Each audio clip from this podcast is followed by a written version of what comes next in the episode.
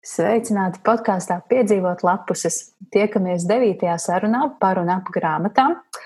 Un šodien es ar prieku iepazīstinu ar savu sarunu biedreni. Tā ir Rasa Bugavičute Pēce. Sveika, Rasa! Čau! Jā, mēs tiekamies pēc svētkiem. Ir pagājuši Jāņi. Visi, visi esam līgojuši un, un svinējuši, kurš nu vairāk, kurš nu mazāk. Bet pirms mēs sākam sarunu, Rasa, es gribu mūsu klausītājiem pastāstīt, ka uh, tu arī esi iesaistīta kāda podkāstu veidošanā, kur es starp citu ļoti citīgi klausos. Jo, jā, cik forši.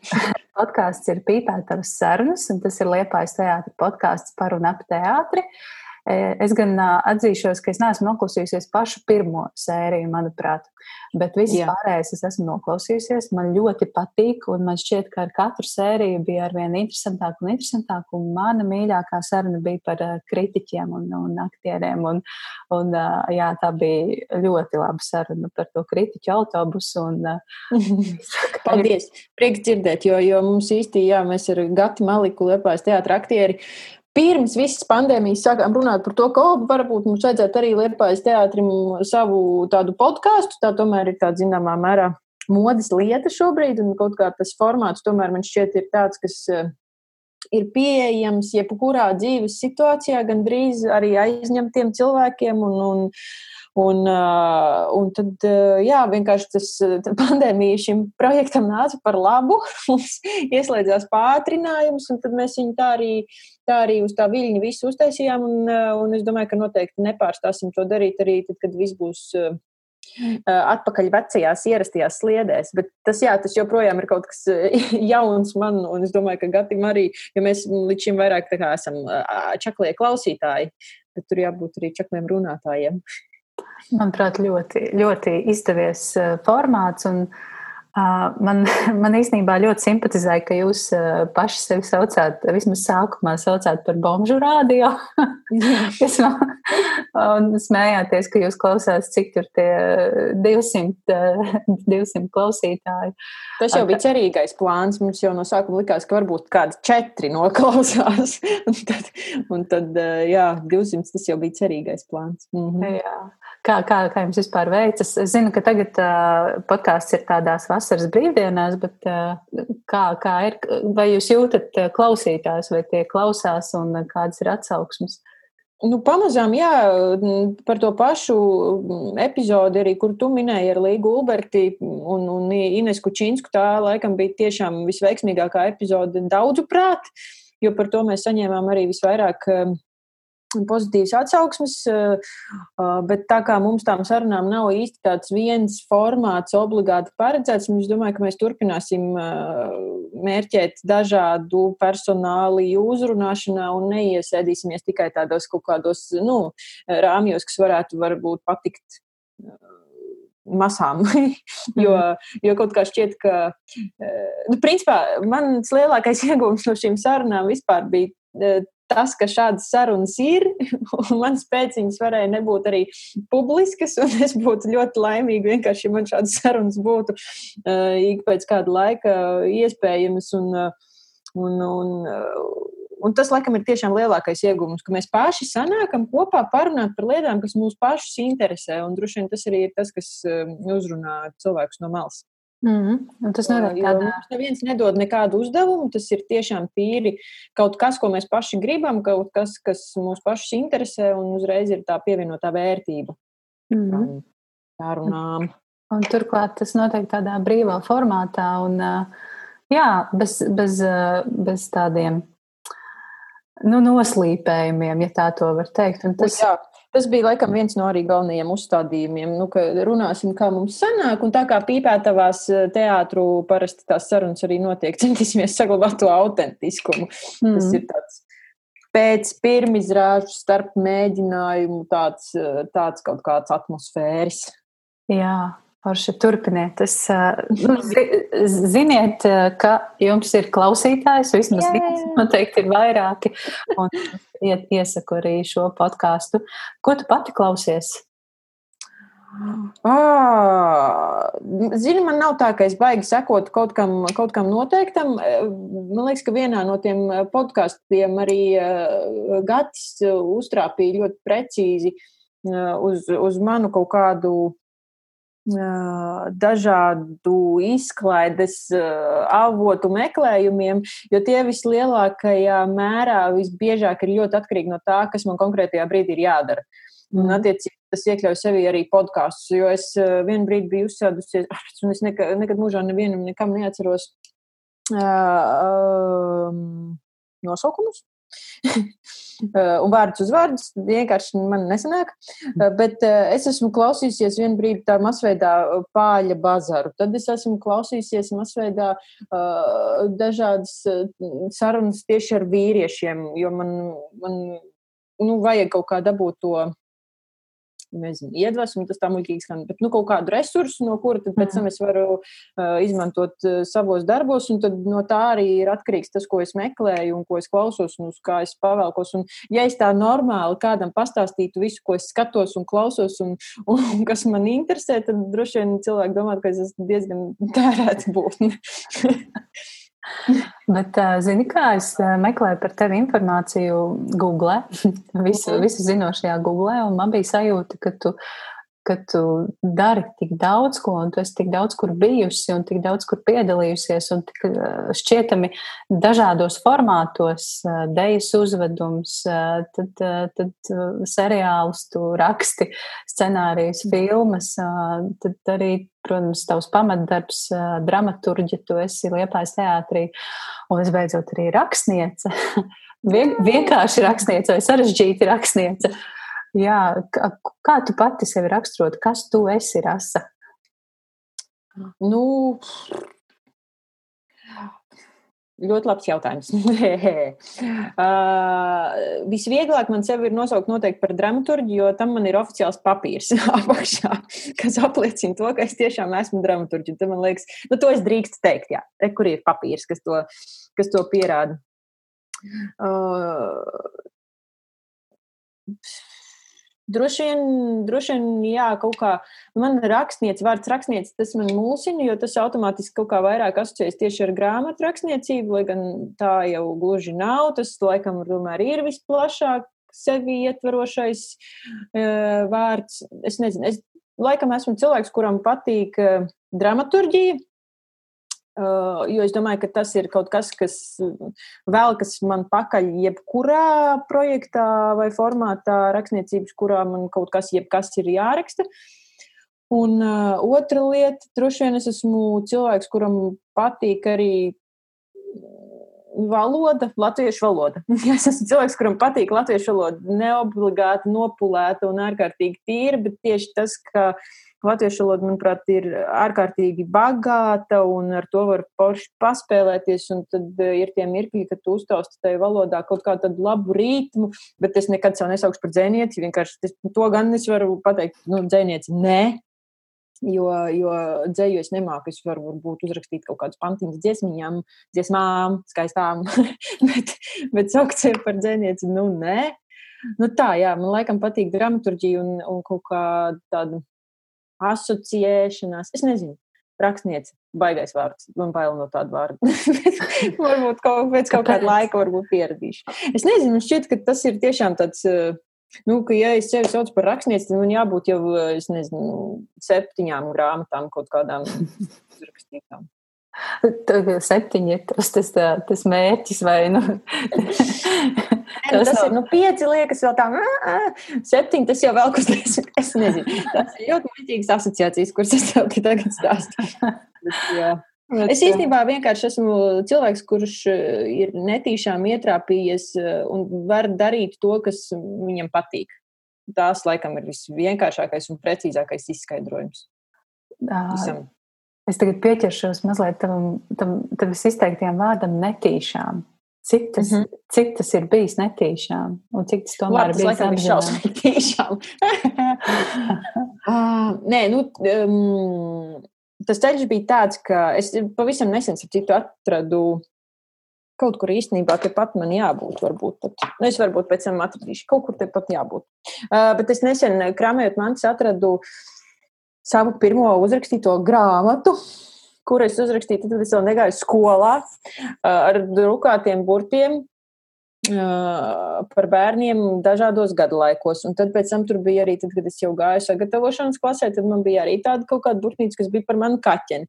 Un tas, ko es biju aizmirsusi, bet ko es šajās burtnīcās atklāju, un kas ir ļoti interesanti, tad es pati uh, ik pēc kaut kāda laika tajās burtnīcās uzrakstīto biju arī labojusi. Tātad es biju pārlasījusi jau tajos savos sešos gados un pārlabojusi tur kaut kādas lietas. Un tas man likās ļoti interesanti, jo tas īstenībā ir tas, ko nu, vismaz dramaturgs dara non-stopā. Es, es pārlasu to, ko es esmu uzrakstījis, nu, tiešām neskaitāmas reizes.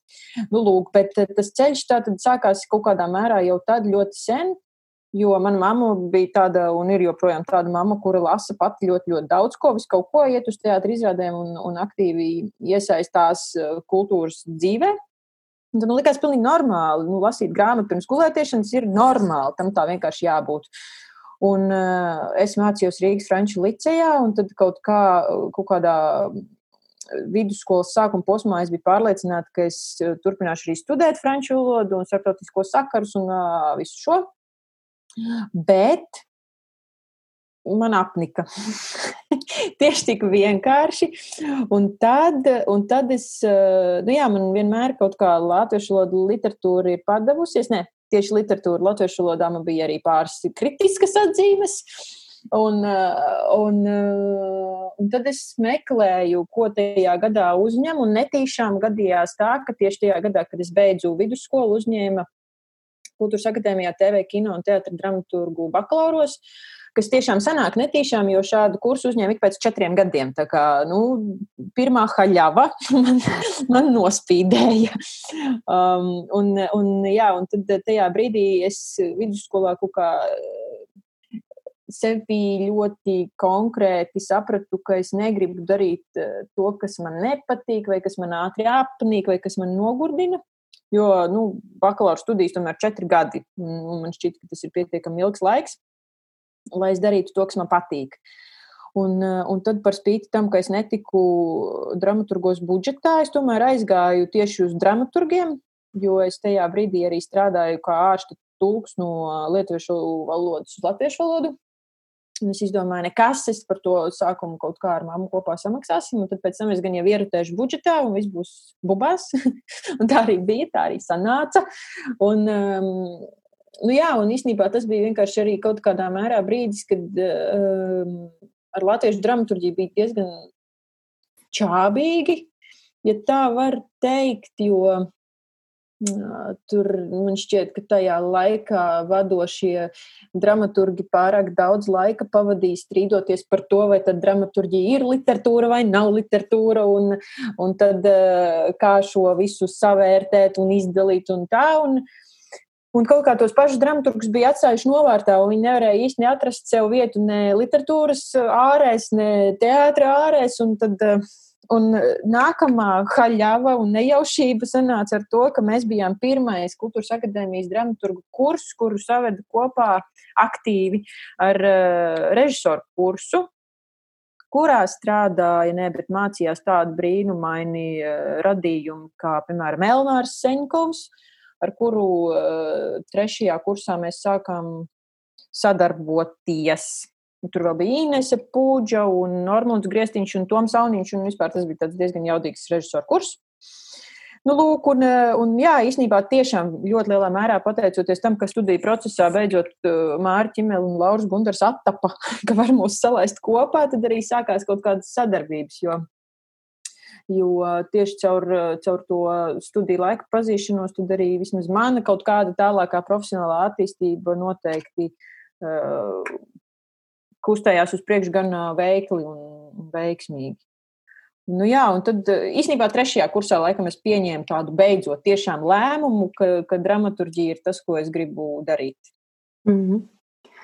Es internetā atradu arī ļoti interesantu video, kurā tu stāstīji jauniešiem šo savu stāstu. Un mm -hmm. tas, tu stāsti par tām uh, krīzes, uh, krīzes situācijām, nē, bet krīzes mirkļiem, kad licies, nu, ka, ka ir grūti, ka nesanāk studiju laikā. Un, un tu jā, stāstīji par to, ka tu raksti, raksti, raksti un nesanāk, nesanāk, nesanāk. Un tad mm -hmm. es mhm. tā domāju, Kas ir tas, kas, kas bija tas vērtētājs, kas pateica, kas, ka nesenāk, vai tie bija pasniedzēji? Lauris Gundars. Kursa vadītājs Lauris Gundars, sveiciens viņam. Uh, nu, katram pedagogam ir kaut kāda sava vienkārši droši vien uh, pedagoģiskie uh, rīki, caur kuriem viņš tos studentus vispirms, protams, salauž un samīda un tad ceļ no pelniem augšā. Un, un uh, Lauris, uh, kā pasniedzējs, noteikti ir pietiekami drastisks un, un nesaudzīgs. Bet, uh, Mm, uh, mēs, piemēram, kursā iestājāmies 16 un pabeidzām mēs kursu 8, ja nemaldos. Mēs bijām lielākais kurs, kurš ir izturējis visus šos 4 mm, gadus, un tādu izlaidumu gadus mēs bijām lielākais. Un kaut kādā mirklī mums likās, ka mums nebūs izlaidums, bet mums būs piemiņas vakars un ka neviens nebeigs to visu. Jo es trešajā kursā arī biju pārliecināta, ka jāiet prom ka pietiek, ka es vairs nevaru ne to klausīties, ne to pieņemt, eh, nu, ka vienkārši man nesanāk. Nevis, pat nevis tik daudz, ka es tur justos kaut kāda dikta apbižota, bet ka, bet ka tu sāc ticēt tam, ka tev vienkārši nesanāk un ka varbūt tur nevajag sēdēt un, un trīties. Bet no otras puses es arī saprotu tiešām šobrīd uh, Laura pieeju, jo caur to nu, ka tevi noliek tiešām tās izvēles priekšā un te pajautā, nu, vai tiešām tu esi tam gatavs vai neesi gatavs, tu arī vari beidzot nonākt pie tās atbildes. Un, un īsnībā mēs pabeidzām astoņi un reāli pieci cilvēki no astoņiem, manuprāt, šobrīd joprojām gan aktīvi parās dramaturģijas un, un, visādā citādā teātri, ar teātri vairāk saistītā vidē, un tas ir daudz Latvijai. Mm. Tas ir. Nu, Jā. tā, bet mums arī bija brīnišķīgs kurs, fantastisks, superīgs, kas pietiekami aktīvi cits citu atbalstīja un neļāva tur lūst zem Laura skarbās rokas. bet situācijas bija daudz un smieklīgas, un Laurim mēs viņam pat izlaidumā uzdāvinājām tēkreklu, uz kur bija rakstīts viņa citāts.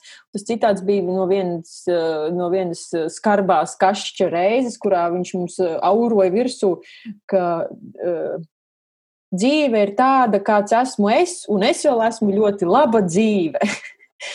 Restīvi, ka viņš mūs caur to savu attieksmi māca lielai dzīvei, un mēs mazie muļķi nesaprotam, kā tā drīkst. Ah! tā.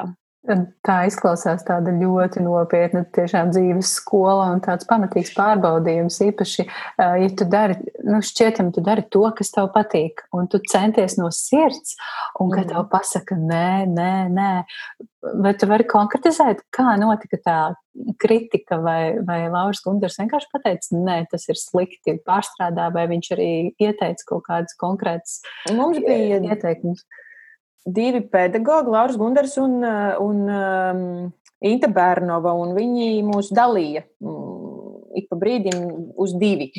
Viena grupa pie vieniem, otra pie otriem. Lauris, principā, bija un ir droši vien joprojām no tiem pedagogiem, kurš baigi daudz priekšā nesaka. Viņš gaida, ka tu pats izdomāsi, kas tur trūkst un kas ir vajadzīgs, vai arī viņš tev uzdod jautājumus, un tad tev pašam jāmēģina ir, uh, atbildēt uz šiem jautājumiem. Bet bieži vien ir tā, ka tu iesprūsti tajā nevarēšanā atbildēt uz tiem jautājumiem, vai arī sajūtā, ka tev tagad jāuzmina, ko tas pasniedzējs ir izdomājis, un ka tu nespēji viņa domas nolasīt un nevari tur pieslēgties klāt. Bet, um, bet jā, viņš kaut kā tā ar priekšā teikšanu tiešām neaizrāvās. Savukārt Inta vairāk teica priekšā noteikti kaut kādas lietas un idejas un piemērus, caur kuriem varbūt viņi to visu risinātu un, un veidotu, bet tad arī tu īsti nevari saprast, vai tad tev ņem to, ko tavs pedagogs saka, Un vai tas ir vairs tavs darbs, un varbūt ņemt kaut ko citu, bet vai tas būs gan labi? Nu tā, bet uh, Laurim bija daudz dažādas, uh, dažādi, uh, dažādas izpausmes uh, izmisuma. un, un pirmās bija tas, ka mums bija regulāri jāiesūta dažādi studiju darbi, un tad jau pēc pāraksta varēja pateikt, nu, kāda, kā, kāds ir tas darbs izdevies. Jo viskritiskāk bija, tad, ja viņš parakstījās kā asots prof. Lauris Gundars, tad viss skaidrs, ka, o, nu, ir slikti, nu, ir rīktīgi slikti.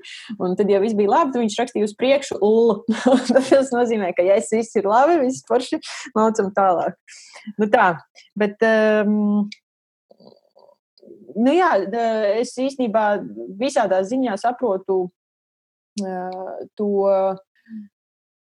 to kaut kādu nu, tiešām izmisumu, kas var pasniedzējā iestāties tajā brīdī, kad tev liekas, ka jau viss esi tik skaidri pateicis priekšā, bet tas mazais muļķis nesaprot un nesaprot un turpina rakstīt savu. Jo to es esmu pieķērusi arī nu, pati sevī, tad, kad nu, jau es arī kādam pasniedzu dramaturģiju, ka uh, es runāju par to visu kā par pilnīgi kaut ko pašsaprotamu, un ik pēc brīža man tikai sev ir jāatgādina, ka pag, pag, pag, tas cilvēks nesaprot, viņš ar to nenodarbojas katru dienu, un viņam lēnām un kārtīgi vēlreiz no sākuma ir jāizstāst, kas ko veido, kāpēc ir tā, un kāpēc tur ir jā, jānotiek tieši kaut kam šādam, un nevis tam, ko viņš piedāvā. Jo dramaturģija tādā ziņā ir nu, tiešām kaut kas pasniedzams, jo tur ir ļoti daudz konkrētu prasību, kuras ir jāizpild, uz kurām ir jāatbild, lai vispār tu pie kaut kā varētu nonākt. Nu, ar tādu vienkārši radošu rakstniecību ir grūtāk, manuprāt.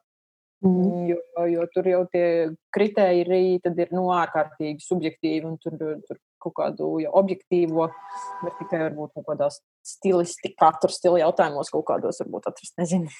Nu, tā. Kā tu pati redzi šo mm, mācīšanos posmu, kā tu esi augusi?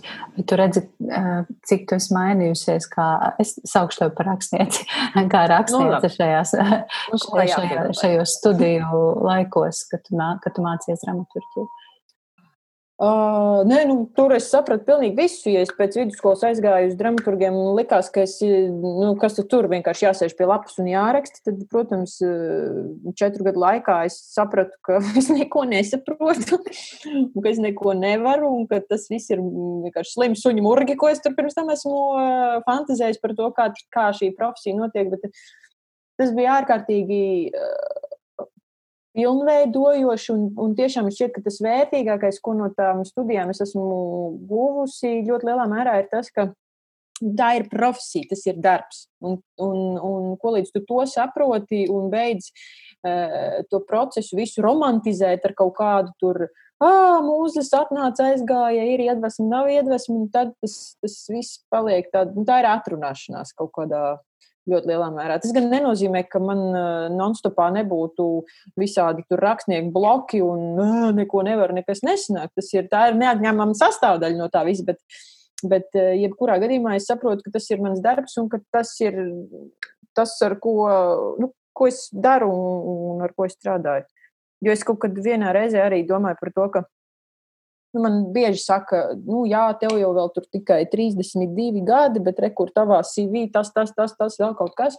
Bet es domāju, nu, jā, nu, visi ķirurgi savā CV neraksta arī katru operāciju, ko viņi paveic, vai, vai tur skolotāji neieraksta katru savu skolēnu, kuru viņi izglīto. Un tas vienkārši ir mans darbs. Mm. Ļoti interesanti, jo es nu pat noklausījos sarunu ar Kristīnu Ulbergu, rakstnieci, arī rakstnieci, un, un viņa stāstīja par savu pēdējo grāmatu Karietu Santiago, un, un viņa tieši tādiem pašiem vārdiem šķiet teica, beidziet domāt, ka rakstnieki visu laiku gaida mūzes, un tā nav. Reizēm tas ir vienkārši darbs, kad ir jāsēž un jāraksta. Un, un tur, kur saki to tieši to pašu.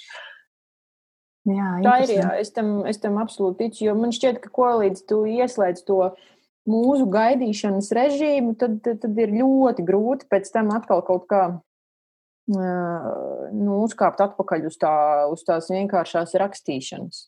Mhm. Turklāt, jo vairāk, jo vairāk arī rakstnieks kaut ko raksta, jo vairāk viņam tomēr arī nu, uztrenējās tas muskulis rakstīšanas.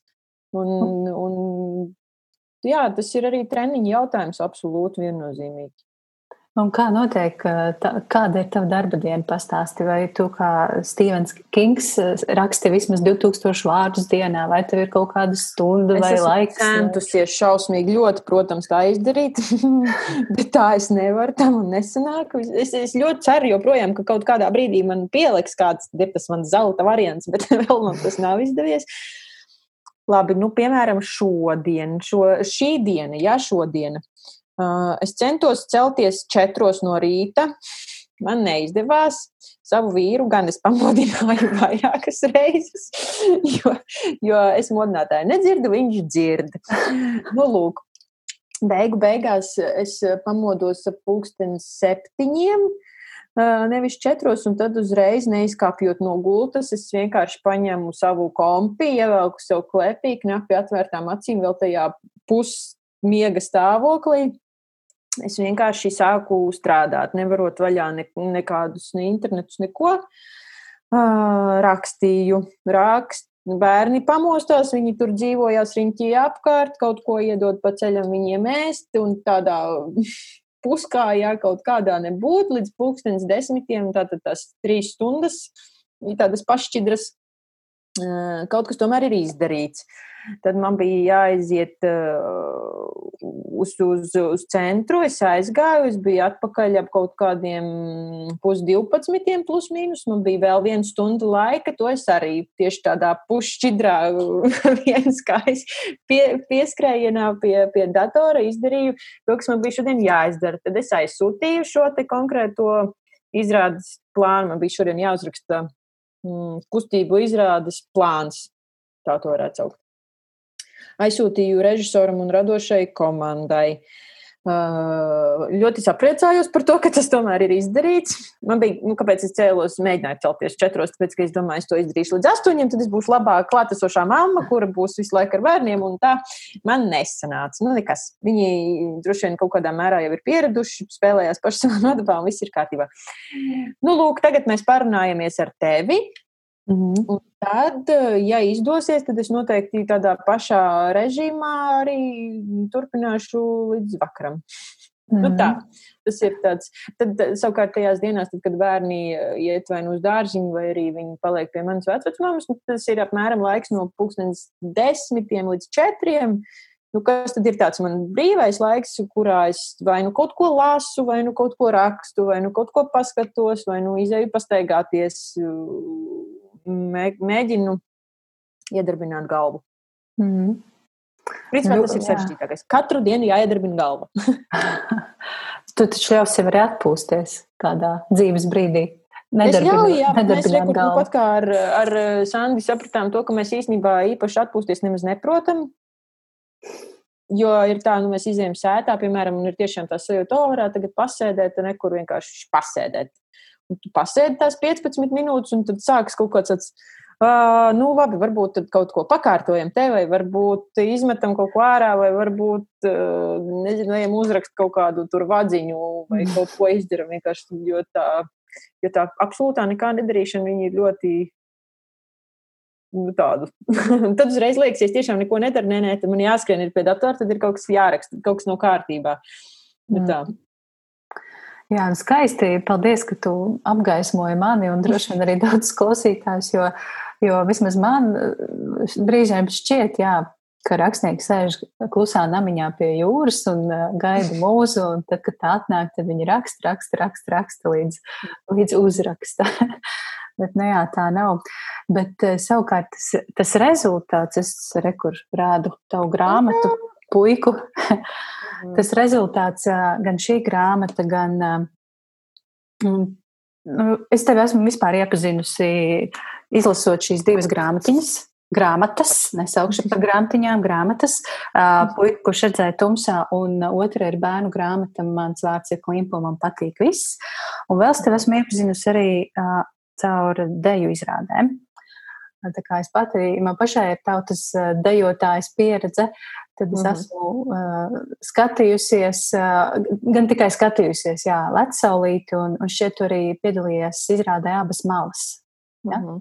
Jā, nu, lūk, un tas rezultāts savukārt liekas ārkārtīgi viegls un uh, nu, es mēģināšu aprakstīt savas sajūtas, uh, klausoties, lasot un, un uh, domājot par tevi. Man ir tāda sajūta, ka, ka tu esi noķērusi kaut kādu tādu, mm, kaut ko noķērusi, kas visos mūsos ir, kas visos mūsos latviešos ir. Bet uh, mēs to tā kā, mēs sevī to glabājam, bet, bet nekādi neizpaužam uz āru. Uh, un tu savukārt to paņem un uzraksti. Uh, Kaut arī šis dzējolis, uh, Lecsaulīte, nu, tas ir dzējolis, tas ir vārda dziesmai. Mhm. -huh. tur, ir, tur ir kaut kāds tāds pilnīgs kosmos iekšā. Nu, tā, ir, tā ir tautas dziesma. nu, man, tā, tā ir tautas dziesma, bet tā autora esi tu. Un tāpat arī grāmata par, par šo te puiku. Man liekas, ka tas ir tik vien, ļoti labā nozīmē vienkārši uzrakstīts.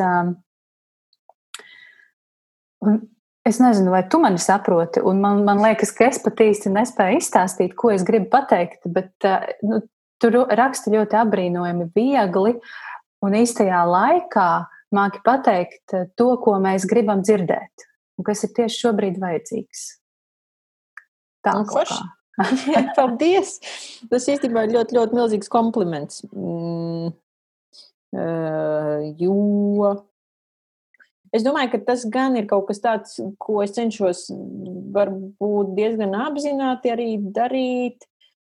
Uh, un tad, ja es tā ķidāju sevi akurāti un domāju, no kurienes tas nāk un kā tas īsti ir, tad es pieļauju domu, ka man eh, ļoti lielā mērā ir palīdzējis tas, ka uh, es dzīvoju Salaspilī ilgu laiku līdz saviem 20 gadiem.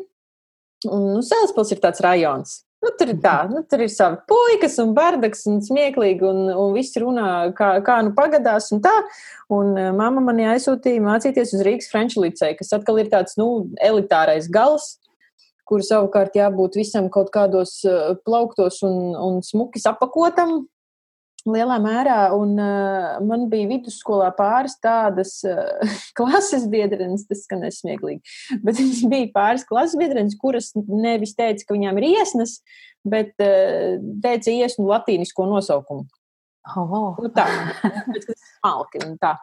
un, uh, un man bieži bija tāds, oh, es nesaprotu vispār cilvēku, ko jūs man sakat, kāpēc jūs tā darāt. Nu, Man kaut kādā ļoti apzinātā uh, mērā ir svarīgi runāt tā, lai man saprotu. Nu, nu, līdz ar to arī rakstīt tā, lai man saprotu. Jo, nu, ko, nu, kurš zina, kā latīniski sauc iesnas? Nu, droši vien kādi nu, dakterīši. Un tad daži dīvaini, kuriem liekas, ka tā to vajag saukt, ja tā ir smalkāk. Bet, ja es gribu uzrunāt vairāk cilvēku, tad es vienkārši teikšu iesnas. Mm. Vai vēl labāk tur kaut kādi puņķi. mm. nu, tā. Man kaut kā, jā, liekas, ka no tā baigi baidīties nevajag, un ka tās drīzāk. Nu, jā, ir vienkārši veids, kā es, kā es cenšos uh, apzināti cenšos rakstīt. Mm. Bet tev ļoti labi izdodas. Uh, un tagad es gribētu parunāt par šo grāmatu, par puiku. Aiziet. Aiziet. tu esi daudz jau stāstījusi, un es arī noklausījos tavu sarunu ar Jānu Skuteli, kur tu par to stāstīji. Un, un jūs uh, aprunājāt, runājāt par šo grāmatu, bet, zini, es uh, gribētu parunāt par, par, par to brīdi, kad uh, šī grāmata tika nominēta Laligabai. Mhm. -huh. Kā tu tajā brīdī jūties? Un vispār, vai tu rakstīji šo grāmatu bērniem? Es, man eh, ļoti patīk, man paveicās. Eh, man īstenībā ir paveicies vispār ļoti lielā mērā arī ar ļoti daudziem fantastiskiem skolotājiem un pedagogiem. Un viens no tādiem pedagogiem man patrāpījās Kultūras akadēmijā Andris Akmentiņš. Eh, un, un viņš mums mācīja tikai pusgadu, bet kaut kā es nezinu, es sajūtu ar viņu tādu nu, kopīga valoda. Droši vien tā izteiksmes vienkāršība varētu būt arī tas kopīgais. Un, eh, un man bija jāraksta pēc tam maģistros Liepājas universitātē tāda aptauja uh, rakstniekiem, un es uzrunāju viņu, vai viņš būtu gatavs atbildēt uz visiem tiem neskaitāmiem jautājumiem. Viņš piekrita, un tur bija viens arī jautājums par žanriem. Un es parasti esmu šausmīgās šausmās, tad, kad man prasa, lai es mm, nodefinēju kādu darbu žanru. Vienalga, vai tas ir teātrim, vai tas nav teātrim. Un, un otrs šausmīgais jautājums ir par mērķa auditoriju. Un tad, Un tad man ļoti patika, kā Andris Akmentiņš pateica, ka viņa prāt tāda žanra pieķeksēšana visam klāt, vai arī mērķa auditorijas pieķeksēšana visam klāt ir vajadzīga tajā brīdī, kad izlasot grāmatu, nav skaidrs, kas tas ir. bet, bet patiesībā jau grāmatai un saturam ir jābūt tam, kas pasaka priekšā, kam tas ir, kas tas ir, par ko tas ir un tā tālāk. Nu, es viņam absolūti piekrītu. Nu, man šķiet, ka īstenībā ar žanru definēšanu un mērķa auditoriju definēšanu ir jānodarbojas mārketingam, nevis nevis uh, rakstniekiem. Jo, jo, piemēram, to, ko rakstu es, es vienmēr rakstu vienkārši sev. Mm. Un viss. Un es rakstu tā, lai man patīk. Un tā, lai man būtu interesanti tajā visā dzīvoties, kamēr es to rakstu, lai man pēc tam nebūtu kauns to pārlasīt. Tieši tik šausmīgi vienkārši ir tie apsvērumi. Un, Un, jā, par to mērķa auditoriju. Es ļoti priecājos, ka tā ir grāmata, kuru var lasīt arī pusauģi. Man šķiet, ka tas ir vienkārši izcili. Un tā ir tikai pievienotā vērtība, bet es galīgi uz to nekoncentrējos tajā brīdī, tad, kad, tad, kad es grāmatu tiešām rakstīju. Mm. Jo mums visiem ir bērnības pieredze. Pilnīgi visiem. Nav tāda cilvēka, kuram nebūtu bērnības pieredze.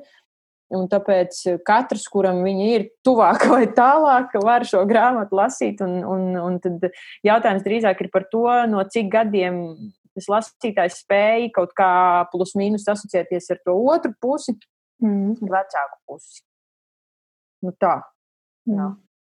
Un, Bet, jā, par to Laligabu pastāsti. Par Laligabu.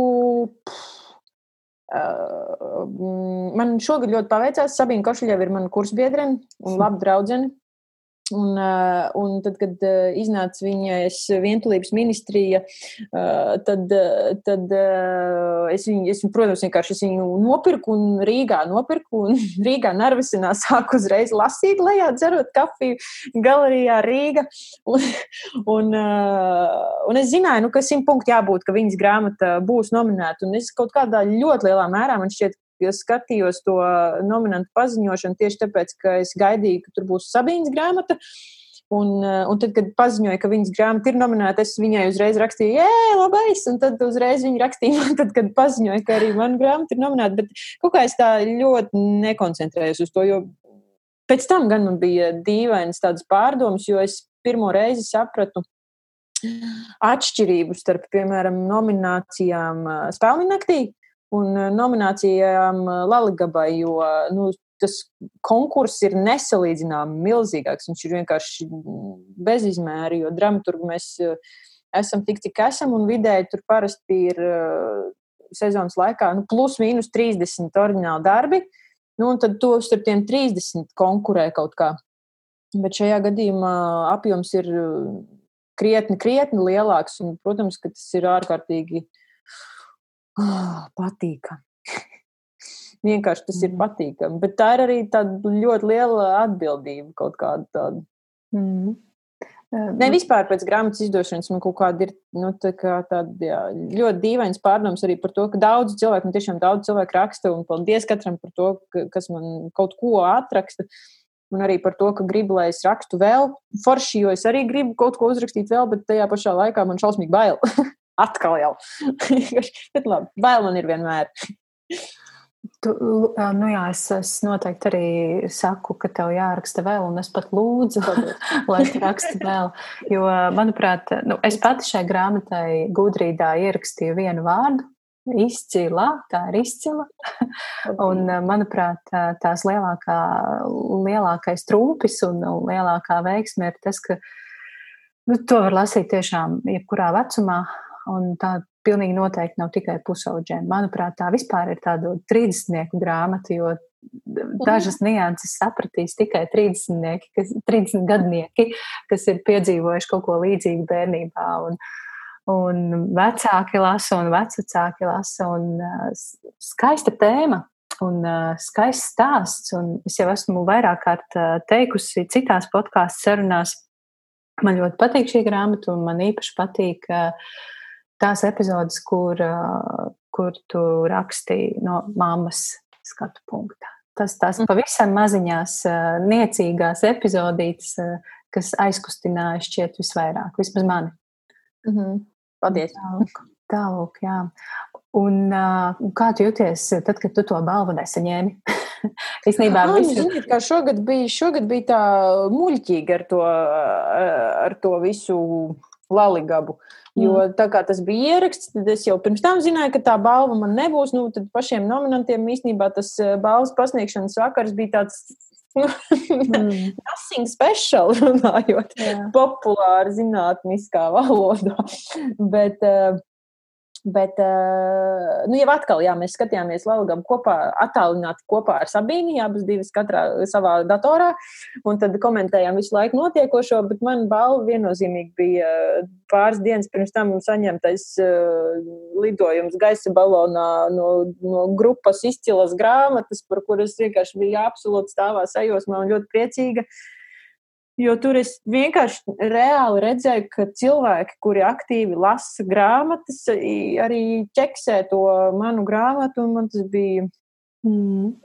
tāds milzīgs kaut kāds tāds pārsteiguma moments. Nezinu, tāds vienkārši tāds liels prieks un dīvaini ļoti izjūtu. Un superīgi ir tas, ka es Sabīnu varu ņemt līdzi. Jā. tā kā mēs abas balvas nedabūjām, tad vismaz mēs abas divas varēsim paldot gaisa balonā. Nu tā, bet uh, nu, kaut kādā mērā noteikti bija. Tomēr bija skrobi. Nu, būtu dīvaini, ja es teiktu, ka nē, nē, lai, tas ne, vienmēr ir skrobi. Nu, ja tas ir nominēts, tad taču gribi. Un, lai, lai tevi arī līdz galam novērtē kā labāko. Mm. Bet uh, tajā pašā laikā uh, pateicoties arī tam, ka man ir tomēr arī tas spēļu nakts balvu nominācija, jau kaut kāds rūdījums, es arī saprotu, ka vienmēr diskusijas par to, kuram to balvu sniegt, ir ļoti visaptverošas, un tur ir mm. daudz un dažādi argumenti par to, vai šis cilvēks vēl kādreiz kaut ko diez uzrakstīs, vai neuzrakstīs, vai mm, tā, vai šitā. Nu, jā. Un ko viņi mm. grib arī kaut kā tā pavirzīt, varbūt uz priekšu, nu, ka tas mums ir kaut kas vajadzīgs. Tā kā tā. Bet, mm. bet noteikti vēl viena lieta, par ko es domāju pēc tās uh, ceremonijas, un arī pēc tam nu, vienkārši domājot par dažādu veidu balvām, tomēr Latvijā un, un, un latviešiem derētu kaut kā saprast un nodalīt, varbūt mēs drusciņi kur tad ir tā bērna pārēja uz to pieaugušo, vai tiešām tas ir tāds viens klikšķis, vai tur ir pāris gadu pa vidam. Mm. Tas kaut kā ir jānomoka. Jo tad, kad, tad, kad man Latvijas mēdījos prasīja par grāmatas mērķa auditoriju, tad es teicu, ka man liekas, ka tā ir tāda grāmata, kas ir domāta uh, mērķa auditorijai, kuru angliski sauc Young Adults. Un mm -hmm. latviešiem vienkārši šādas kategorijas nav. Un, mm -hmm. tad, eh, un tad automātiski kaut kā sanāca, ka tas vairāk ir pie jauniešiem, bet, piemēram, grāmatnīcās eh, grāmata bieži vien stāv līdzās tiešām grāmatām bērniem. Un tas ir, tas ir tā, nu, ka es mhm. nevaru saprast, kā to, kā to būtu gudri vai jēdzīgi nokomunicēt un ar ko un kā. Nu, jā. Mm -hmm. Jā, tāds, nu, man nav pretenzijas pret to, ka grāmata ir jauniešiem. Tas ir forši pat nu, ļoti lielā mērā. Man prieks, ka, piemēram, es zinu, ka Liepājā 9. klasēm bija obligāti jau viņa jāizlasa tur daļai. Un, uh, gatavojoties eksāmeniem, man, protams, par to ir milzīgs gandarījums. Bet, um, jā, man žēl to grāmatu, kuras tiek ierobežotas kaut kādu mistisku šādu mērķu auditoriju obligātuma mm. dēļ. Jā, jā, es pilnībā piekrītu, ka tas ir visai mulsinoši un, un nevajadzīgi. Bet es visu cieņu viesturam ķer, ķerum, ķerum šķiet pareizi mhm. pateicu. Es biju pārliecināta, ka tu iegūsi balvu. Protams, tev bija tāda nu, nopietna konkurence Ines Zandere ar, ar savu dzējoļu krājumu. Un, un, neticam. jā, viesturs ķerus ar savu, savu grāmatu par, par meža meiteni Maiju. Un vispār tie visi trīs darbi bija tik absolūti dažādi. Un tādi ļoti, ļoti jocīga kategorija bērnu literatūra, bet, bet tā, tāds, tāds ļoti plašs nu jēdziens. Jo, jo es arī saprotu to, ka droši vien, ja, nu, ja izdalītu atsevišķu kategoriju pusauģiem, tad attiecīgi tur droši vien būtu katru gadu tiešām labi, ja divi autori, jā, jā. kurus tur varētu ielikt un iemurcīt. Bet, uh, nu, kaut kā par to, ir, par to ir jādomā. Jo tad, attiecīgi, ja, piemēram, kādam neiedod balvu šajā kategorijā bērniem un jauniešiem tikai tāpēc, ka tā grāmata nav bērniem īsti, mm. tad mm, kaut kas nav ritīgi. Nu, tā. Jā, tas, es ceru, ka tas, tas būs tev kā spēriens, kā Laura, Laura Gundera savulaik spēriens, rakstīt vēl, vēl, vēl. Un nebūtu tāpēc, ka šī grāmata būtu bijusi slikta, jo, kā jau es teicu, tā ir ļoti, ļoti laba grāmata. Bet jā, vai, vai tev ir kā stimuls rakstīt? Un, uh, vai tu zini, kas ar, kas ar grāmatu notiek šobrīd? Tu teici, devītās klases jau, jau tiek Ko, tas, ko es zinu, ir tas, ka tā ir iekļauta jauniešu žūrijā, mm -hmm. par ko man ļoti liels prieks. Jo jauniešu žūrijā bija iekļauta arī klimpa, ne, nevis jauniešu žūrijā, bet bērnu žūrijā bija iekļauta klimpa pirms eh, cik tur tiem gadiem, 16. gadā, ja nemaldos. Un, eh, un tāda jau, jauniešu bērnu un vecāku žūrija šāds projekts eh, Nacionālās bibliotekas kūrēts un vadīts, man liekas, vispār ir fantastiski foršs jo tādā veidā tiešām tiek uzrunāti eh, cilvēki, kuri tiek pieredzināti lasīt, lai cik tas neskanētu, varbūt eh, skarbi kaut kādā mērā. Bet, eh, bet nu jā, šobrīd man drusciņš žēl, ka pandēmijas dēļ es īsti nekur neesmu bijusi, nekur neesmu braukusi un ar, ar lasītājiem neesmu runājusi. Jo tad, kad klimpa tika iekļauta bērnu žūrijā, tad bija ļoti daudz, kur jābrauc tieši pie skolēniem un pie, pie pie dažādām klasītēm un jārunā par, par lasīšanu, par rakstīšanu, tas vienmēr ir baigi forši. Mm. Un katru reizi ir tiešām ļoti liels prieks mm, parunāties ar jauniešiem. Un, jo es zinu, ka katrā klasē sēž vismaz viens kāds, kurš klusībā kaut ko raksta. Viņš varbūt nekad nevienam to nav teicis, bet tas simt punkti ir. Un tad, eh, un tad es ļoti cenšos tajās visās reizēs tieši vismaz tam vienam mm. trāpīt un likt noticēt, ka var un ir forši un vajag. Mm. Un ka, kas būtu tas, ko tu gribētu pateikt, lai, lai tas mazais rakstītājs, mazais lielais rakstītājs sadzird? Ah, man šķiet, ka viena lieta, ko es gribu noteikti pateikt, ir tas, ka vienmēr, vienmēr, vienmēr vajag vienkārši papētīt, kas ir tas, kas tev patīk visvairāk, un tas arī ir jādara, uz to arī ir jāiet, un viss tas tieši tik vienkārši, ārprātīgi elementāri. Problēmas sākas tikai tajā brīdī, kad pa ceļam gadās visādi gudrinieki, kas stāsta, ko vajadzētu labāk, vairāk, un, un, un kas būtu mm. vērtīgāk un perspektīvāk, un tur vēl nezinu kā. Un tad, nu jā, tie man kaut kādi nu, tie tādi novēlējumi vārdi noteikti tiem censoņām maziem ir tomēr nu, ticēt tam, ka var strādāt arī nep, nepopulārās profesijās un var darīt to pietiekami veiksmīgi un var, un var izsisties un var piepildīt da jebko, da jebko, ja tikai patīk. Mm. Tā. Jo man, jā, es jau arī pat mācījos tieši tāpat skolā, un man arī stāstīja, cik uh, eksaktās zinātnes ir perspektīvas. Jā, bet ko tās dod, vai ne, ja, ja tev sirds asiņo sāpēs? Nu, taču tieši tā. Tajā pašā laikā nevajag prasīt droši vien no kāda, kurš ir gatavs sēdēt un ķīmiķot formulas visādas, lai viņš raksta grāmatiņas. Nu, vienkārši, tieši tik vienkārši tas ir. Mm. Jā. Jā, uh, puika ir arī pārtupusi izrādē no uh mhm. -huh. Nacionālā teātrī ir izrāde. Es ļauju saviem Instagram sekotājiem nedaudziem pajautāt tev kādu jautājumu, un viens no jautājumiem bija par šo izrādi. Kā, kā bija to, vai tu vispār piedalījies tās veidošanā, cik tev bija mm. liela vara, un ko tu varēji ietekmēt, un, un, un, un jā, kā, kā ir strādāt ar aktieriem vispār? gan šajā izrādē, gan vispār. Vispār strādāt teātrī un ar aktieriem un ar režisoriem ir ļoti forši, un es esmu tiešām priecīga, ka es tomēr kaut kā pārvārīju sevī to lauri un, un paliku pie sava, ka man to gribas darīt, un pateicoties varbūt tiešām viņa nepiekāpībai censties darīt labāk. Mm, konkrēti šajā gadījumā, jā, īstenībā Valteram Sīlim un kurš ir izrādes režisors, un viņa ieinteresētībai šajā stāstā noteikti ir jāsaka arī vispār paldies par to, ka arī tāda grāmata ir. Jo man ar to domu nesājos apkārt jau kaut kādu laiku, bet nekādu nevarēju saprast, kā labāk, kādā secībā, kā to darīt. Bet, bet tajā brīdī, jā, kad Valters vienkārši pateica, aiziet, darām, taisam izrādi. Tad es arī sapratu, ok, nu tad vienkārši es eju uz, uz kādu izdevniecību un cenšos tikt pie iespējas uh, izdot arī grāmatu. Un uh, Valters ir tāds režisors, kurš ir um, nu, varbūt tāds saudabīgs starp saviem kolēģiem ar to, ka viņam nav bail tieši no literāra teksta.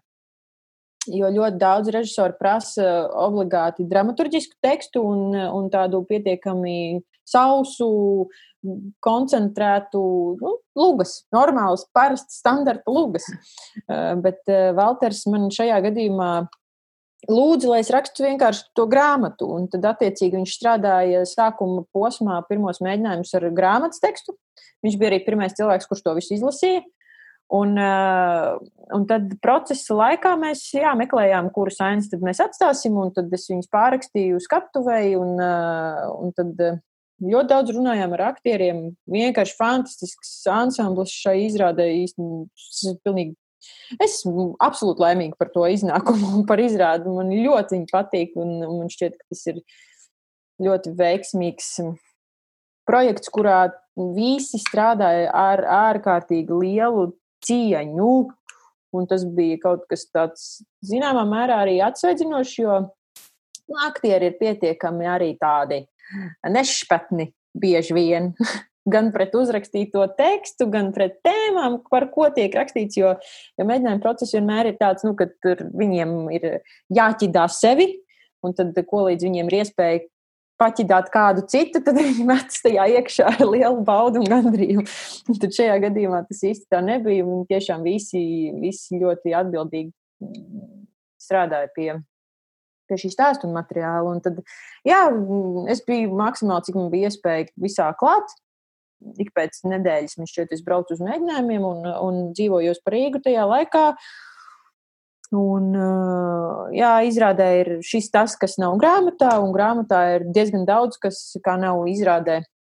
Bet, bet abi stāsti man šķiet nolasās un ir gan pilnvērtīgi un forši. Mm -hmm.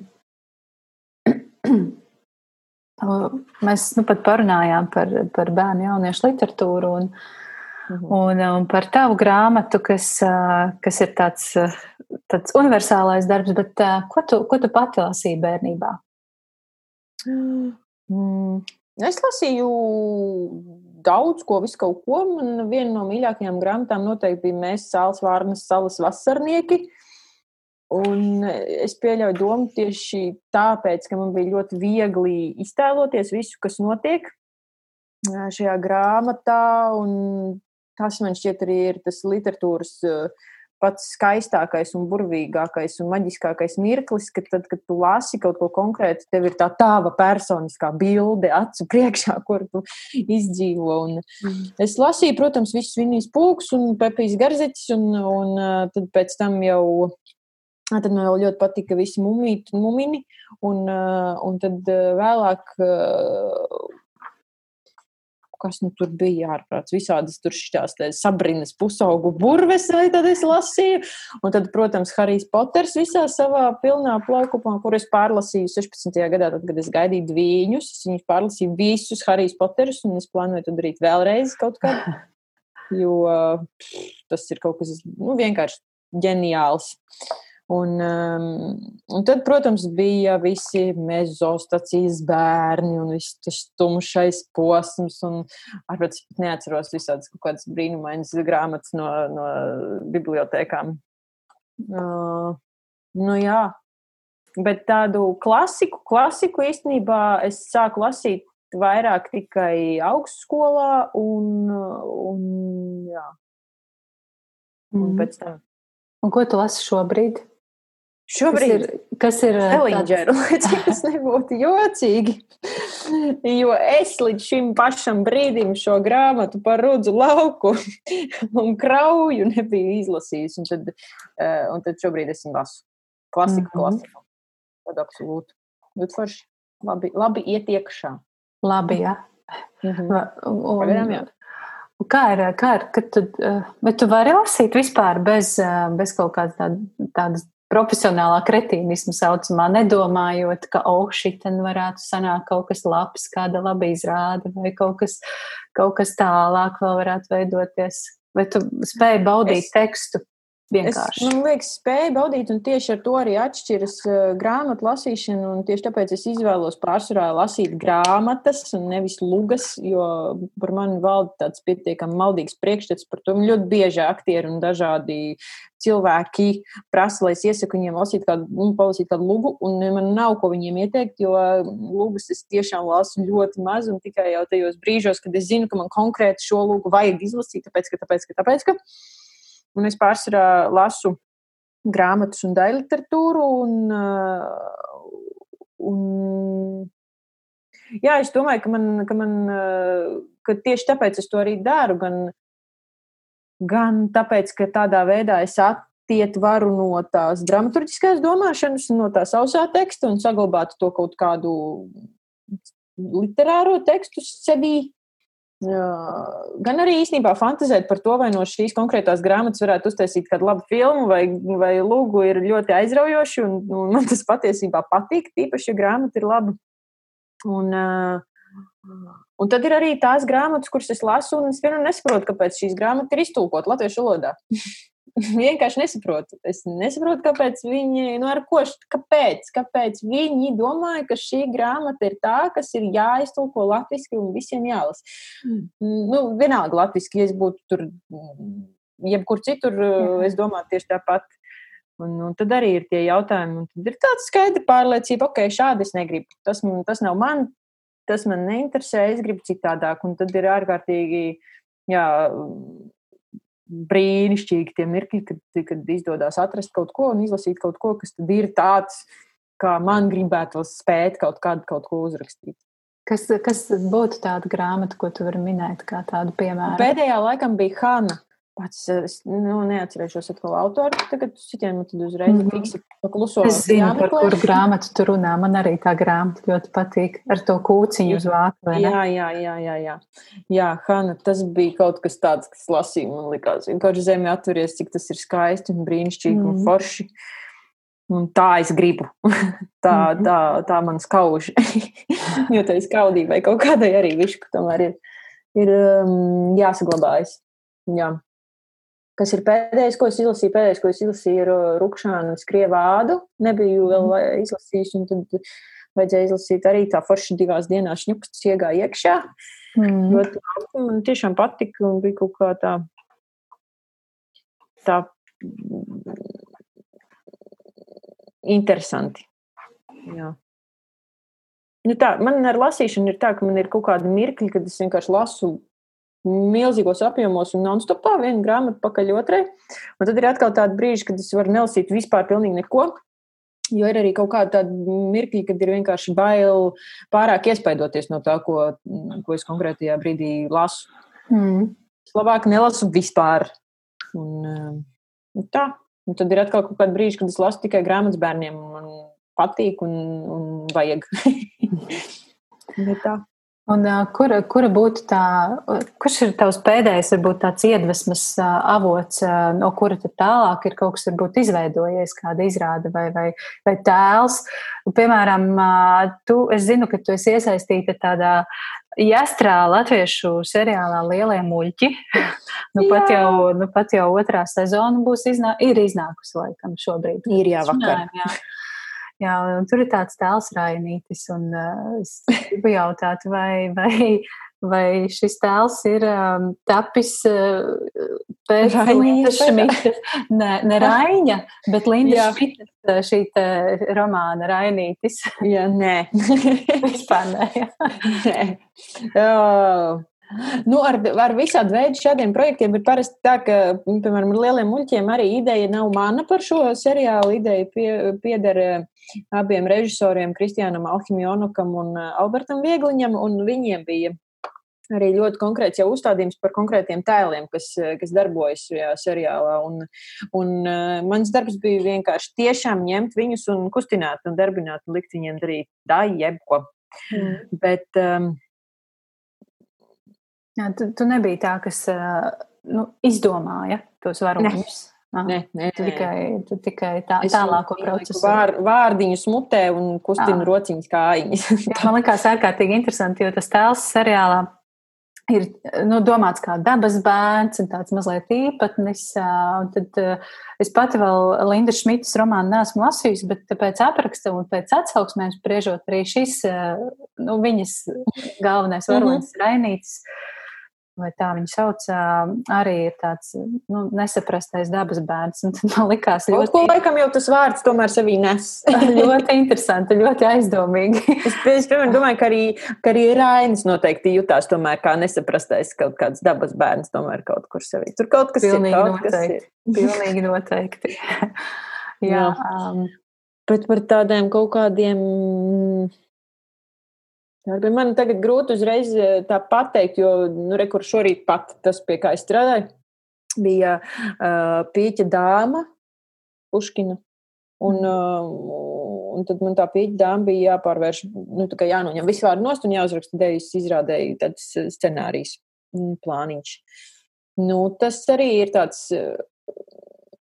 Īstenībā, jā, ļoti labs um, treniņš, kā dramaturgiem sevi pārbaudīt, ir mēģināt uh, novākt uh, iespēju runāt jebkuram tēlam un atstāt tikai kustību un, un meklēt veidus, kā visu izstāstīt tikai kaut kādā darbībā un notikumos un rīcībās.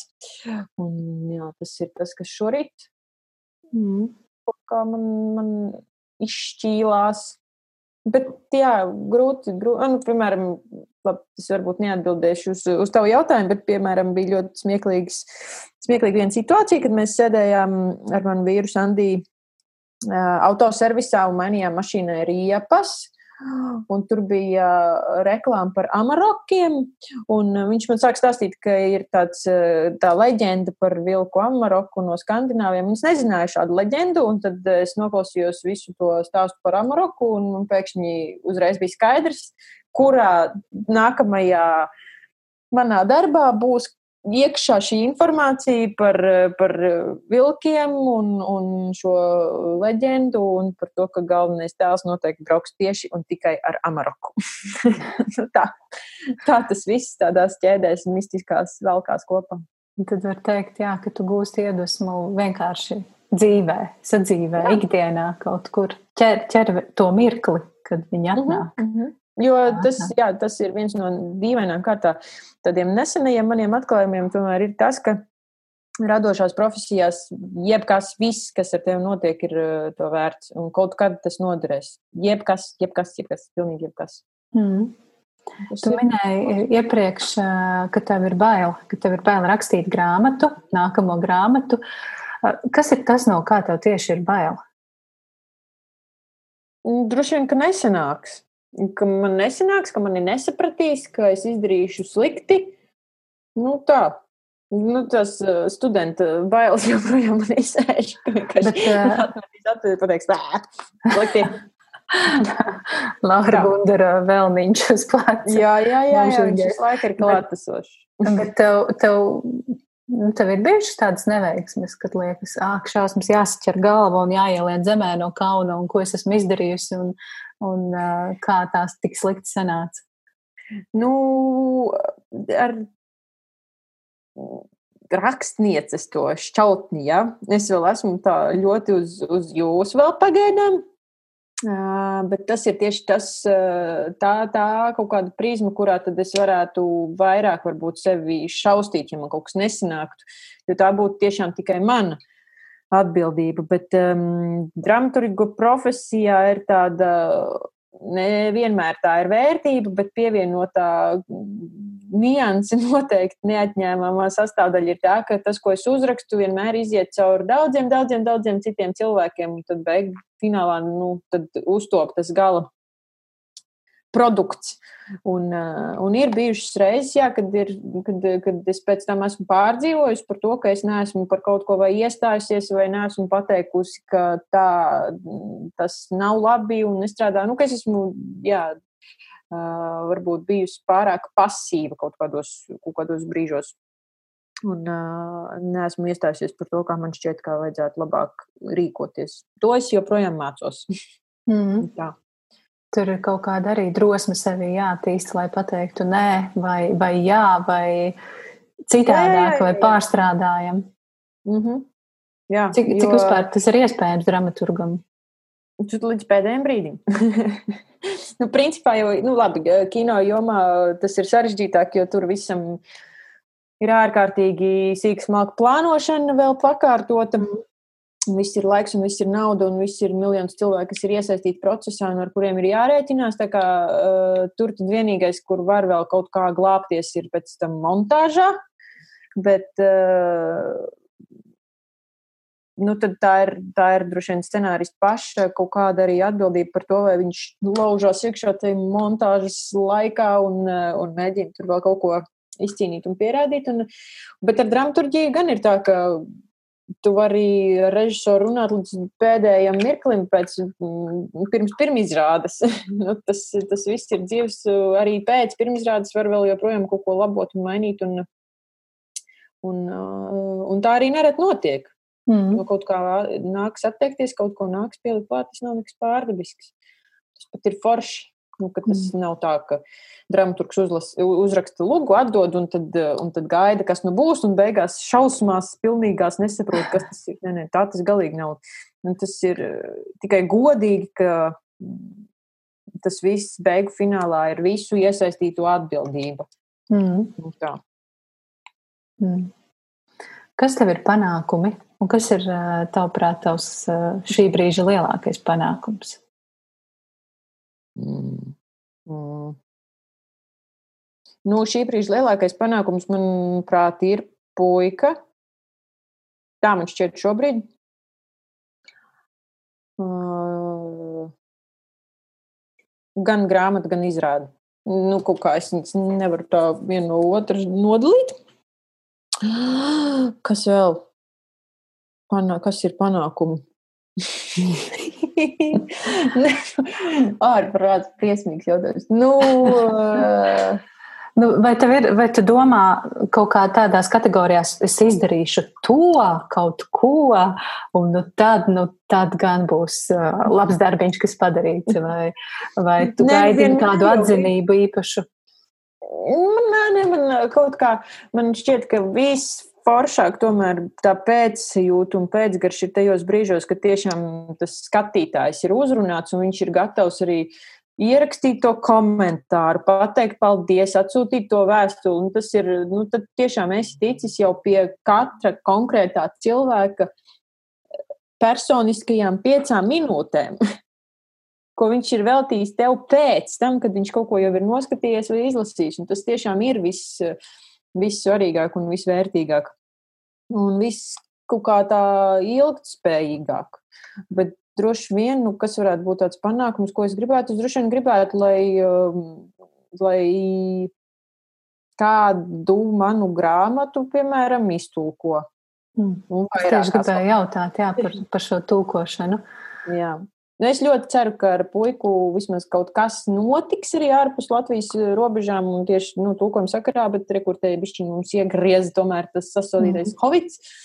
Un, eh, un visiem, vis, visās pasaules malās šobrīd ir piņķerīgāk ar, eh, ar iespējām, bet nu, mazums paies kāds laiks un tad Jo mm, ar to arī es vēl tikai tā aprodu par, ar, ar domu par to, ka grāmatas ir Viņas vienkārši ir un paliek. Mm. Viņas nebeidzās, un var paiet kaut kāds laiks, un viņi atkal var palikt aktuāli, negaidīt kaut kādā brīdī. Jo, jo izrādes ir, un tad viņas izbeidzas. Nav vairs, un viss. Es, es ļoti, ļoti turēšu īkšķus, lai izdodas puiku iztulkot un, un, Paldies.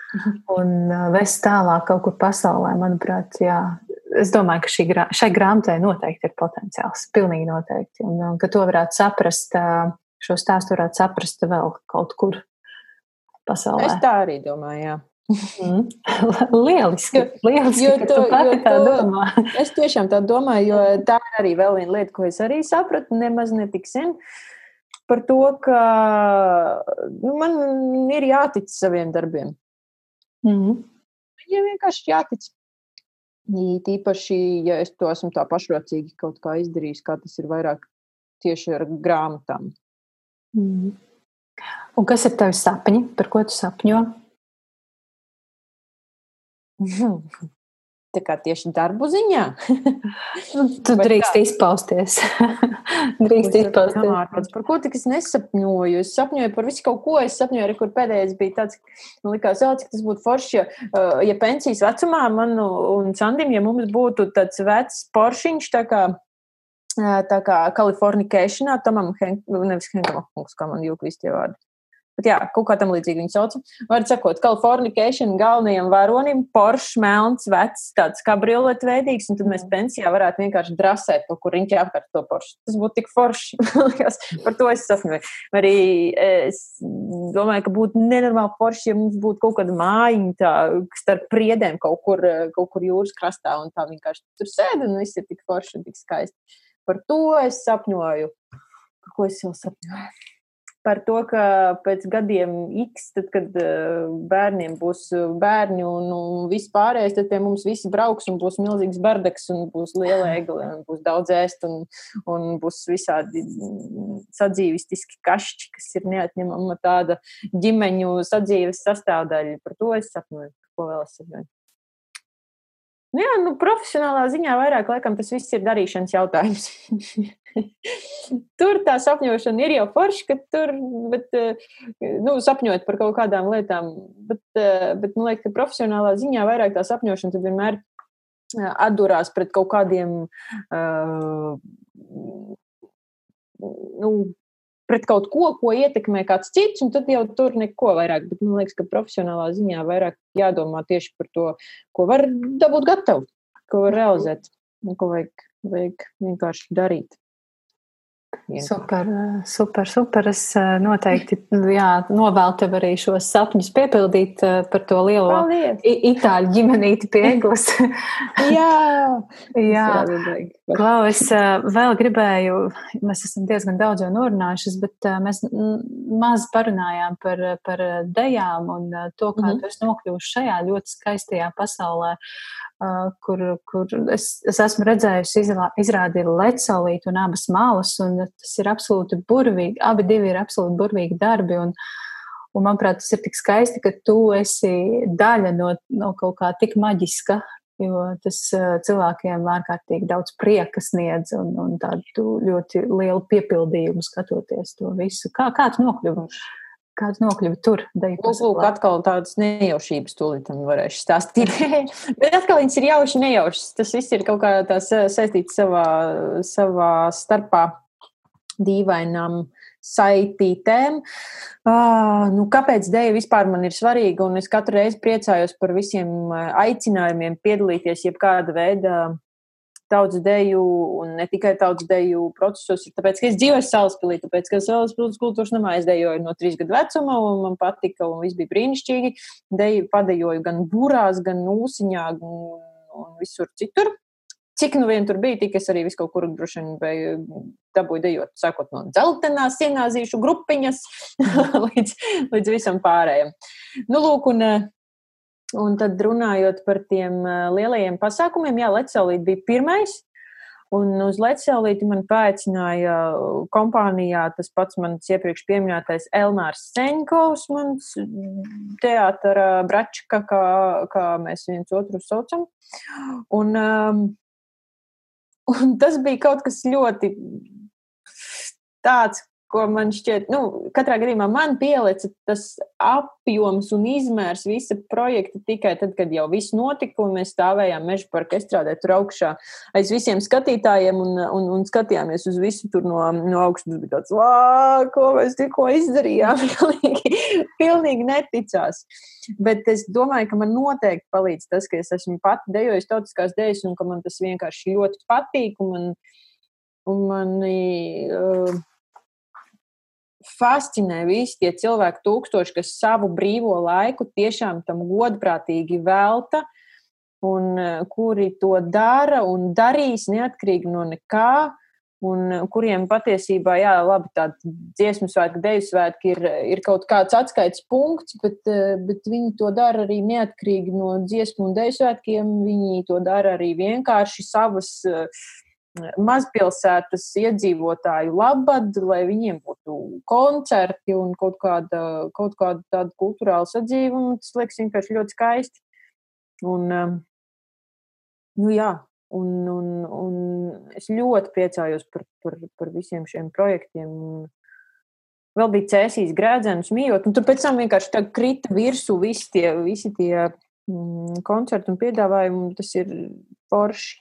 Tur gan mm. vienmēr ir. Tas sarežģītais ar, ar šādu veidu pasākumiem ir tas, kā to patriotismu nepārsālīt un neuztaisīt viņu tādu siekalaini, nepatīkamu kaut kādu tādu. Jā. Bet mm. es domāju, ka tur, jā, es vienkārši atkal jau mēru pēc sevis un viss. Jā, nu... dejotāju vietā, tad uzreiz paliek vieglāk uh, saprast arī, ko tur vajag vai ko tur nevajag, vai kas būs par daudz. Mm. Nu, Jā, no, noteikti tev ir izdevies nu, netrāpīt tajā, kā tu teici, siekalēnajā patriotismā. Tas ir tāds, tas ir tāds tas foršais patriotisms, kad, kad gribas mazliet nobirdināt asariņu un tad iet un, un teikt, jā, es esmu tas latvietis un es esmu. Nu jā, jo es ne, man kaut kā vienkārši arī man mazliet jau mulsina tas, nu, kāpēc mums vajag vajadzētu šobrīd par kaut ko gausties atkal un atkal no jauna Un kaut kā vienkārši palasi daudz dziesmas par spītību un lepnību. Latviešiem taču tādi ir pilns, pilns dainskapis. Jā, tieši tā. Jā, un, un, un, jā, un redzēt uh, asaras dejotāju un, un, uh, un dziedātāju acīs droši vien arī ir īpaši, tad, kad, uh, tad, kad skan lec, lec saulīte. Mm. Tas tāds. Mm. Tas ir nu, nu, jau senāk, kuro gadu tieši ap Jāņiem, un tad otrs vilnis ir novembrī 11. un 18. tur, tad man visi sūta visur, kur skan, kur dzied, kur dejo, un tas tik patīkami. Mm tas ir patīkami. Bet, tur, jā, tā, tas arī bija kaut kāds tāds maģisks. No, maģisks kaut kas, kas notika ar tiem manis uzrakstītiem vārdiem, un ar Raimondu uzreiz to uh, to vārdu sadzirdēšanu. Mm. Skaisti. Nu, man gribētos tevi saukt, nu, vismaz pirms mēs sākām runāt, un patiesībā arī šīs sarunas laikā man kaut kā gribas tevi saukt par tādu ļoti, ļoti talantīgu veiksminieci. Vai tev patīk tāds apzīmējums? vai tev patīk tāds apzīmējums, vai, vai, vai tu piekrīti tam talantīgu veiksminieci? Es jo... ceru, ka es esmu ne tikai veiksminieci, ja man kaut kāds talants tur arī tam visam ir. Jā, man uh, nav, nav iebildumu. Es katrā ziņā tiešām nu, nu, būtu muļķīgi laikam teikt, ka nē, nē, ar veiksmi tam nav nekāda sakara un ka viss ir uh, sūrais darbs ārkārtīgi tikai un vienīgi. Es esmu daudz strādājusi un godprātīgi strādājusi, bet tas, ka tam ir veiksmi pamatā, tas arī ir fakts. Bet es mm. tiešām domāju, ka tā veiksmi nāk tāpēc, ka es daru to, ko es gribu darīt, un to, kas man patīk. Un galvenais, ka tu to dari. Jā, un tad tās durvis vienkārši varās vaļā. Viņas mm, ceļi atklājas, un, un brikšņi pašķiras, un tas viss vienkārši tā notiek. Nu, skaisti. Es tev, jā, es gribētu kaut kā noslēgt šo sarunu. Tāda pozitīva, vispār, vispār šī saruna bija ļoti pozitīva, nekā negatīva gan arī nebija.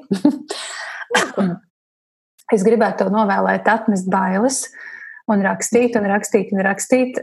Un es domāju, ka šī young adult, adult žanrs, šis žanrs noteikti ir tavs, un tu droši to drīksti un, un, un noteikti ieņem, jo tas ir, manuprāt, ļoti vajadzīgs latviešu literatūrā.